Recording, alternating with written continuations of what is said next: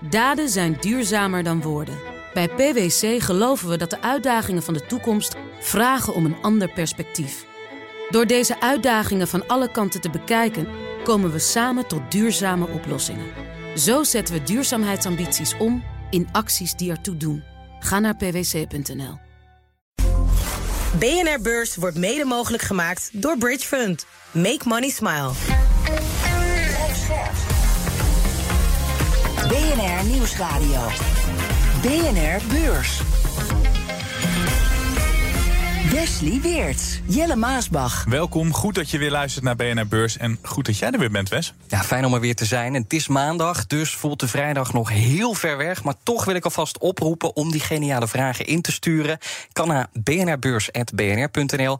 En die vraag die kunnen we dan stellen aan onze gast in de vrijdaguitzending. Ja, doe dat uh, vooral op de dag dat de AX 0,3% hoger sloot. Net iets onder de 753 punten. ArcelorMittal mag zich de grootste stijger noemen. Dat kreeg er 2% bij, ruim 2%. We hebben heel veel beursnieuws en dat bespreken we vandaag met onze gast. En die gast is Bas van der Hout, econoom en journalist bij De Tijd. Straks alles over de cijfers van Warren Buffett en al die uitspraken die hij heeft gedaan. En waar jij als belegger misschien ook iets aan hebt. Maar eerst de gasprijs, want die bereikt zijn laagste peil sinds juli 2021. En in ons land wordt de megawattuur verhandeld rond de 36 euro. Zeg je misschien niet zoveel, maar om je een beeld te geven, die gasprijs is sinds begin dit jaar met de helft gedaald. En we zijn inmiddels ook mijlenver verwijderd van dat historische record. Kun je het nog herinneren van 345 euro per megawattuur. En dat was in maart 2022 alweer. Nou, maar goed ook. Ik moet binnenkort mijn energiecontract uh, vernieuwen. Ja, ik weet niet of je dat meteen gaat merken.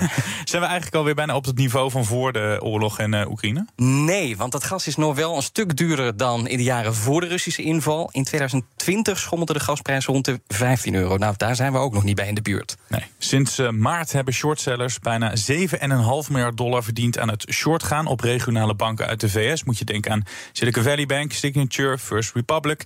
De aandelen van dat soort banken gingen gigantisch omlaag op de beurs. En dus is er een nieuwe discussie in de Verenigde Staten. Moet shortgaan op banken verboden worden? In 1930 wilde toenmalig president Hoover shortgaan helemaal afschaffen.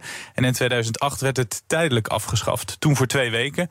En op CNBC eh, oppert iemand om dat misschien maar weer helemaal te doen. Yeah, bank stocks continued to go down during that two weeks, but actually outperformed the market. And in the meantime, they passed TARP. So if you have a very clear endpoint that you are trying to bridge increasingly nervous equity holders to, it's not a it's not a terrible idea, I don't think. Nee, twee weken dus even niet short gaan. Vraag me dan wel gelijk af of dat al genoeg is of dat je dat niet langer moet doen. Uh, maar Bas, wat vind jij? Short stellen op banken tijdelijk staken? Of is dat short gaan eigenlijk gewoon een te groot goed? Een shortseller uh, die uh, doet denk ik niet zomaar iets. Als je short gaat, dan kun je in feite, als het boel weer omhoog zou gaan, uh, is je verlies niet echt beperkt. Dan, dan hebben ze wel een reden. -huh. En ehm, ik, denk dat je beter die reden kan wegnemen. Dus nu met die bank aandelen, ja, er is gewoon een boel onrust. Dus misschien ja, is het beter om, om even te kijken van hoe kun je, hoe kun je die onrust uh, wegnemen op dit moment. Daar heeft Buffett overigens ook het een en ander over gezegd. Dus dat gaan we zo meteen bespreken. Zeker, dat gaan we zo inderdaad doen. Dan naar Duitsland, want dat land stevend mogelijk toch af op een recessie. En die vrees wordt aangewakkerd door slechte cijfers over de Duitse industrie. Want de productie is in maart veel sterker gedaald dan verwacht. En vooral de autosector, ja, niet heel onbelangrijk voor dat land, doet het slecht. En vorige week vielen ook de Duitse fabrieksorders tegen. Het aantal bestellingen daalde in maart met bijna 11 procent vergeleken met de maand ervoor. Ja, het was zelfs de grootste daling sinds het hoogtepunt van de coronapandemie. En de Duitse industrie leidt dus steeds meer onder die renteverhoging. Want daardoor remt de economie af. Ook de winkelverkoop en de export daalden sterk in maart. En dus is het goed mogelijk dat de groei voor het eerste kwartaal naar beneden wordt bijgesteld. En dat zou betekenen dat de economie alsnog in een recessie belandt. Dat is toch wel belangrijk om in de gaten te houden. Want Duitsland, he, belangrijke, de belangrijkste handelspartner voor mm-hmm. Nederland. En de grootste economie van Europa. Maar Bas, tegelijkertijd, ja, wat maakt zo'n minieme krimp nou eigenlijk uit? Het is wel echt een mierenneuken wat dat betreft. nou ja. Uh, ja, nou, wat je in het algemeen uh, ziet, is toch die, dat die renteverhogingen dat die toch wel beginnen te bijten. En dat zien we in de VS, maar dat zien we ook in, in Europa. Je ziet bijvoorbeeld ook dat de vraag naar kredieten is, is afgenomen, echt wel significant hoor. dat zag ik in de laatste Bank Lending Survey van de ECB ja, dat, dat is toch wel iets, iets om in de gaten te houden. Dat, dat, dat laat zien dat die economie aan het vertragen is. En uh, het is even de vraag van Moet je nu nog verder gaan met nog verder die rentes veel te verhogen? of moet je even wachten wat, wat de impact gaat zijn? het, is, het is spannend. Ja, ik heb ook nog een waarschuwing die ik even met jullie wil bespreken. Elke aflevering krijg je er wel één. Ja, zeg dat wel. Van een investeerder, een bekende belegger of een topman. Nu dit keer van Janet Yellen, minister van Financiën. Die blijft zich namelijk grote zorgen maken om de Amerikaanse begroting.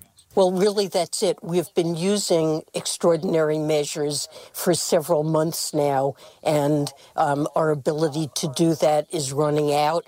Maar er is meer. Ze zegt uh, de VS komen in een constitutionele crisis als het niet wordt opgelost. En ja, prima als Republikeinen en Democraten nu onderhandelen over het begrotingstekort, over die mogelijke bezuinigingen. Maar die onderhandelingen mogen, zegt ze, niet plaatsvinden met een pistool tegen het hoofd van het Amerikaanse volk.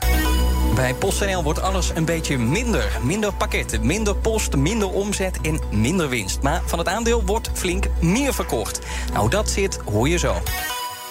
Afgelopen weekend kregen de Britten er een koning bij. Het is vanaf nu daar King Charles die de belangrijkste monarch is. God save the king! God save maar door die kroning sneeuwde een andere koning een beetje onder, namelijk die uit Omaha. Inderdaad, Warren Buffett. Zijn Berkshire Hathaway kwam met de kwartaalcijfers. En Buffett maakte in het eerste kwartaal ruim 35 miljard dollar winst. Zes keer zoveel als in dezelfde periode vorig jaar. Maar er waren los van die cijfers nog een aantal andere belangrijke dingen. Zo is hij sceptisch over AI. Hij noemt het een hype en zegt dat ouderwetse intelligentie ook goed werkt. En Buffett is kritisch op politici, toezichthouders en media. Want hun zeer slechte bericht maakt maakte spaarders onnodig bang, wat leidde tot onrust bij banken. Uh, Bas, wat vind jij van zijn kritiek over de banken? Heeft hij een punt? Ik vind vooral uh, dat hij een punt heeft uh, als je zegt van hoe zit het nu eigenlijk met dat limiet? Officieel is het 250.000 dollar wat je ja. maximaal goed krijgt per rekening. Um, en ja, we weten natuurlijk dat bij Silicon Valley Bank werd iedereen gered. Uh, Biden heeft gezegd: uh, Amerikaanse uh, spaarrekeningen zijn, zijn veilig. Ehm, dus ja, wat is het nu? Hè? Want ja, officieel is het dan 250.000 dollar. Ehm, wordt het nu wordt het nou iedere keer gered of niet? Um, dus ja, daar zou wel wat duidelijkheid zou gepast zijn, denk ik. En wat Warren mhm. Buffett volgens mij bedoelt, is van het blijkt uit de praktijk dat er toch iedere keer uh, wordt gekozen om iedereen te redden, zoals bij Silicon Valley Bank. Volgens mij bedoelt hij van ja, eh, de, de media, maar ook de overheid moeten niet, uh, zeker de media moeten niet te veel paniek creëren. Uh, omdat, het, omdat de boel toch al gered wordt. Dat was mijn interpretatie. Ja, maar hij wijst ook expliciet naar die toezichthouders. Welke steek hebben die dan laten vallen? Want je hebt het over duidelijkheid. Maar volgens mij zegt hij ook, ze hebben ook echt zeker laten vallen. Maar wat doet hij dan op? Daar heeft hij, uh, heeft hij zeker een punt. Uh, als je bijvoorbeeld kijkt naar die afgezwakte regelgeving voor regionale banken onder de Trump-regering. dat is toch wel een probleem hoor. want het punt is dat. Um, Kijk, als overheid ben je bijna verplicht om uh, banken die in gevaar vormen voor een systeem en die uh, dreigen failliet te gaan, om die, uh, ja, om die te redden. want anders krijg je een bankencrisis, zoals bijvoorbeeld in de jaren 30. Nou, daar krijg je hele vervelende gevolgen van. ja, we weten niet echt, wie, wie, weet wat voor ellende dat allemaal teweeg heeft gebracht, waar het allemaal mee heeft gespeeld. Ehm, dus je moet wel redden. Maar het probleem is dan, ja, je kunt niet de vrije markt uh, vervolgens het werk laten doen, omdat er dan toch een neiging is uh, bij banken om uh, meer risico te nemen, om dan ook zeker op korte termijn hogere winsten te boeken. En dan moet de overheid weer, weer opdraaien voor de ellende. Dus je moet dus permanent streng toezicht hebben op banken, ook die regionale banken. En uh, ja, dat moet je dus niet laten versloffen. En dat is dus wel uh, wat, wat, wat is gebeurd. Daar, daar heeft hij dan een punt, denk ik. Ja, Buffett ging ook de keer over bestuurders van die omgevallen banken. Ze moeten boeten voor het falen van die instellingen, zei hij. Maar toen dacht ik, ja, wat voor straf moeten die mensen dan uh, krijgen? Ja dat, ja, dat is een goeie. Uh, maar ik denk wat hij bedoelt uh, is wel begrijpelijk. Ik had het net over, die, um, uh, over dat de overheid vaak bijspringt. Kijk, het ja. moet natuurlijk niet de bedoeling zijn dat uh, banken kunnen denken van nou, hè, we gaan meer risico nemen, zodat we uh, meer winst kunnen, kunnen maken op korte termijn. En als het fout loopt, dan, dan, dan, dan lost de overheid wel op. Nee. Dus ik denk dat hij bedoelt is van laat het niet ongestraft. stel een voorbeeld en, en zorg ervoor dat de mensen die dit verkeerd hebben gedaan, uh, ja, dat, dat die toch iets van, van de straf uh, krijgen. Even wel ter verdediging van die mensen. Die problemen die raakt in de stroomversnelling door die bankrun. Daar konden zij toch niet zoveel aan doen? Ze hebben natuurlijk wel uh, verkeerd risicobeleid voor bijvoorbeeld bij Silicon Valley Bank. Uh, en dat heeft mm -hmm. tot, een, tot een bankrun geleid. Maar daar, ja, dat hebben ze natuurlijk wel gewoon verkeerd gedaan. We zeiden het net al, ruim 35 miljard dollar winst. Zes keer zoveel als een jaar eerder. Dat klinkt wel leuk. Hoe konden die resultaten in één jaar zo'n gigantische sprong maken? Je had natuurlijk de Uh, en de operationele winst. En Buffett die kijkt vaak naar de operationele winst. want de netto-winst dat zijn vaak ook ongerealiseerde meer- en minwaarden. dus ja, hij waarschuwt er altijd wel voor om daar niet te veel naar te kijken. Maar ik geloof een van de zaken die een rol heeft gespeeld is uh, de verbeterde resultaten bij die uh, autoverzekeraar, ja. uh, Geico. die konden hogere premies vragen. ze hadden geloof ik minder, minder ongevallen. en een daling van de reclameuitgaven. Wel, wel grappig, want daardoor, door die daling van die reclameuitgaven zijn er mogelijk minder automobilisten met een hoog risico die dekking zochten. Um, en een ander ding is de koerssprong van, van Apple in de eerste drie maanden. Dat is met 27% uh, gestegen.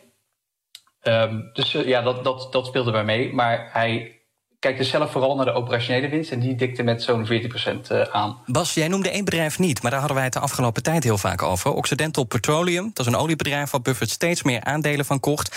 Maar hij zei, een overname, dat zit er dan weer niet in. There's speculation about us buying control. We're not going to buy control. We hebben het even nagekeken. Hij heeft nu ruim 20% in handen van dat uh, oliebedrijf. Uh, heb je enig idee waarom hij het niet helemaal wil, uh, wil hebben? Hij heeft dat inderdaad duidelijk gezegd. Um, ja, waar, waarom dat exact is, dat, dat, dat, dat, weet ik ook niet. Je kan in, in zijn hoofd kijken. Ja, hij is, hij is er in ieder geval duidelijk over. Ik, ik, kan, ik kan daar niet zoveel over, over Nee, maar het, het, het, is wel opvallend. Want Occidental is namelijk niet het enige oliebedrijf waar hij in zit. Hij zet stevig in op die energiesector de afgelopen tijd. Waarom gelooft hij daar zo heilig in? Wat dus wel opvallend is, is dat hij dus bij die energiesector inderdaad heel, heel breed is. Dus dat hij niet zegt van ik wil alleen duurzame energie. Hij koopt dus ook olie. Ja. Uh, daar zijn uh, waarschijnlijk wat ESG-beleggers niet zo blij mee. Um, maar ja, nou, het, het, is natuurlijk een belangrijk thema.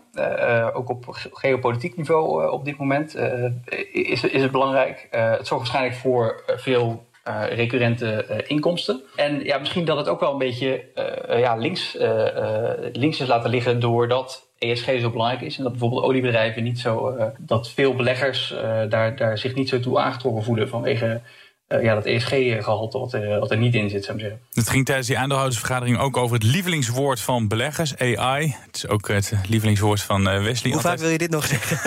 maar kunstmatige intelligentie is niet het favoriete onderwerp van de oude meester. Hij is, en dan heb ik het over Buffett, sceptisch over AI. Waar komt die afkeer vandaan, denk jij, Bas? Ik snap het ergens wel. Dat is, het probleem met nieuwe dingen is altijd dat je eigenlijk op voorhand niet helemaal weet uh, hoe dat gaat uitpakken. En met AI heb je dat ook. Het, is een beetje, het zijn een beetje twee kampen. Uh, de ene, als ik het even grof uh, indeel, het ene kamp zegt van ja, het wordt, het wordt behoorlijk overdreven. AI kan ons misschien bij bepaalde dingen helpen, maar het gaat bijvoorbeeld niet het, werk dat mensen nu doen innemen. Maar je hebt ook een andere groep en die zegt van ja, dit is toch wel een serieus gevaar. Want ja, AI dat is zelflerend. Uh, dus het kan zijn dat ze op een gegeven moment uh, dat die AI's beter worden in bepaalde zaken. Uh, dan mensen. Ja, en dan gaan er banen verloren en dergelijke. En het, het, kan nog erger lopen dan dat, zou ik zeggen. Je hebt, al, je hebt allerlei scenario's daarbij. Het is inderdaad gewoon onduidelijk hoe dat, hoe dat exact gaat, gaat uitpakken. Maar ja, het heeft denk ik wel de potentie om uh, behoorlijk um, disruptive uh, te werken, zou zeggen. Sterker nog, want Bloomberg had uitgerekend dat bij de analistencalls bijna 1100 keer het woord AI werd genoemd bij S&P 500 bedrijven. Buffett noemt het een, een hype, maar als het zo vaak genoemd wordt... en ook die bedrijven er zo heilig in geloven... dan is het toch wel meer dan een hype? Nou ja, dan kan het nog steeds een hype zijn. Want het kenmerk van een hype is, is dat niet heel vaak gezegd wordt. Dan is het wel een hype met impact, ook op de lange termijn. Ja, ja, nou, ja, ik denk dat hypes ook, ook vaak wel, wel impact hebben. Um, ja, nee, ja, blijkbaar, als je, als je kijkt naar Microsoft uh, bijvoorbeeld, uh, uh, maar ook Meta, die hebben het in, zeker in die, die analistenkap, sorry, die klopt hier niet, een fles cola die uitdukt. Um, de computer die nee, in opstand komt. Die, ja, inderdaad, een volt hier. Um, nee, maar inderdaad, Microsoft en Meta, die hadden het er, ja, het zat er inderdaad helemaal vol mee hoor. Ik heb die, die analistencalls live gevolgd. En ja, zij geloven daar wel heel erg, erg in. Um, ja, het is een beetje de vraag hoe, hoe zich dat gaat, uh, gaat ontwikkelen. Maar um, ja, ik, ik, denk ook wel hoor dat, uh, dat, dat hier, hebben we wel iets te pakken, denk ik hoor. Wat, wat, wat toch best wel, best wel groot kan uitpakken. Ja, tot slot de cijfers die waren belangrijk. Maar de meeste vragen van aandeelhouders, las ik, gingen toch over Buffett's opvolging. De man heeft helaas niet het uh, eeuwige leven, al zouden we dat wel willen. Greg Abel wordt altijd genoemd als die gedoodverfde opvolger. Maar heeft hij ook van die fantastische tegel, tegeltjeswijsheden, denk jij? Nou, uh, dat weet ik niet. ik weet niet of ze zo fantastisch zijn als die van Buffett, want die, die zijn natuurlijk wel heel mooi. Um, ja, uh, in, in, ieder geval uh, heeft, hij, heeft hij het nu wel echt uh, gezegd van ja, dit wordt de opvolger. Ja. Er, er werden zelfs, dat vond ik wel grappig, Greg Abel is ook al 61. Ja. en ja, dus er waren toen ook al vragen van ja, maar wie worden dan de opvolgers van, van, van, van de opvolgers, zou ik zeggen. En daarover zei Buffett van ja, daar, daar ga ik niet over, daar laat ik Greg helemaal over gaan. BNR Beurs. De nieuwe handelsweek begint met verlies op Wall Street. De Dow Jones staat 0,4% lager. De S&P 500 verliest 0,1% En de Nasdaq ook 0,1% in de min. Waar beleggers wel tevreden over zijn, zijn de cijfers van Berkshire Hathaway. Het aandeel staat 1,3% hoger. En Occidental Petroleum, dat staat dan weer 2% lager. Kennelijk hadden beleggers toch gehoopt op een bod van Buffett. En dan naar PacWest. Vrijdag ging dat aandeel door het dak, meer dan 80% erbij. De regionale bank was toen weer in trek. Het opende echt fors hoger. Echt meer dan 10% hoger, 10, 20%. Staat nu nog op een plusje van een procent. Dus de enthousiasme is weer aan het, uh, aan het wegzakken. Andere regionale banken doen het op zich wel goed. Ik wil het ook nog even hebben over een aandeel waar het wel goed gaat. Hilton, over het aandeel Hilton Grand Vacations om precies te zijn. Dat is een spin-off van het grote Hilton. Even kort door de bocht gezegd, een aantal vestigingen die nu beursgenoteerd zijn. Mega klein aandeel, maar dat schiet 4% omhoog. Reden, ze gaan voor 500 miljoen dollar aan eigen aandelen inkopen. En we zijn een beetje verwend hè, met al die miljardenbedragen. Ja, want dat lijkt dus ook weinig. Precies. Maar het is meer dan 10% van de beurswaarde van het bedrijf. In verhouding kopen ze dus heel veel op. En ik ging even naar dat aandeel kijken. Dat staat echt op een, een jaarlijkse plus van, van 12%. Dus uh, daar zit nog wel uh, toekomst in, zou je kunnen zeggen. BNR Beurs. PostNL schoot vandaag omhoog op de beurs. Ja, geen sexy aandeel, een postbezorger, maar het was wel enorm geliefd. Had te maken met de kwartaalcijfers. Minder post verstuurd, ook minder pakketten. De omzet daalde ook, maar minder erg dan gevreesd. En aandeel PostNL sloot ruim 10% hoger. En ook CFO Pim Berendsen is optimistisch. Zelf kijken we uh, naar een kwartaal waar we uh, tevreden zijn over dit eerste kwartaal. De resultaten zijn wat ons betreft beter dan onze eigen verwachtingen en eigenlijk ook beter dan de marktverwachtingen. Wij zijn blij dat we in maart uh, van dit jaar in elk geval ook gewoon positieve volumeontwikkeling zagen. Vergeleken met maart het jaar daarvoor. Bas, ben jij net zo optimistisch na het zien van de cijfers? Het was, het was beter dan verwacht. Um, uh, maar ja, weet je, het, het, het, blijft, het blijft natuurlijk een ding. Hè. De brievenpost, uh, dat, dat blijft zakken. Ja. Het, is een hele moeilijke, het, het, is een hele moeilijke sector in het algemeen. maar die brievenpost die zakt elk jaar. Dus aflopende ja, zaak. Ja, precies. Nou, nou moet ik eerlijk zeggen dat ik zelf vaak nog wel vind als ze briefje, uh, pop, brievenpost uh, brengen. Want ik, ik, ik hou mijn online zaken niet altijd even goed in de. Um, maar, maar ja, dan, dan, heb je die pakjes hè, waar de concurrentie heel groot is. waar, dat, datzelfde zie je overigens ook bij, bij B-Post in België, waar, waar um, Amazon ook weer een grote rol in speelt. Um, en overigens, ja, bij B-Post waren die, die resultaten ook wat ja, wat, wat, wat beter dan, uh, dan verwacht. Uh, waar ook bij uh, de, de, pakjes wat beter boerden. Ja.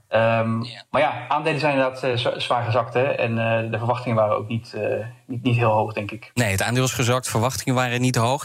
En waarom zou je beleggen in veredelde staatsbedrijven? Dat is een goede vraag. Um, ja, het, het, probleem bij, bij die ja, veredelde staatsbedrijven, zoals je het noemt... is toch wel ja, belangenconflicten.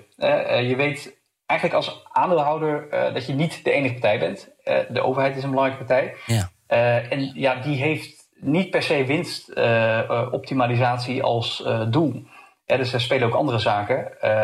dat, dat bijvoorbeeld ja, niet te veel mensen worden ontslagen. Want ja, dat, dat ligt altijd gevoelig, hè, personeel afvloeien. Zeker. Um, dus ja, voornaamste doel is niet, niet per se de rentabiliteit opkrikken. En ja, dus ook veel beursexperts die zeggen van ja, blijven, blijven van weg. Tegelijkertijd, het aandeel noteert wel dicht tegen een dieptepunt. Maakt dat het dan nog een beetje interessanter, dat aandeel? dat is vaak zo'n uh, gedachte, hè, van uh, nou, als het, als het hard gezakt is, dan dat is grappig. Ja. Nou, eens denken aan, aan een vriend van mij. Die, mijn, mijn, beste vriend, die, die, die keek even over mijn schouder mee toen met, First Republic Bank. ja. Dat was toen heel hard gezakt. En toen zei hij van, nou, dat kan toch alleen maar omhoog gaan? Toen zei ik, nou, dat, weet ik niet. En inmiddels is het toch een beetje anders gelopen.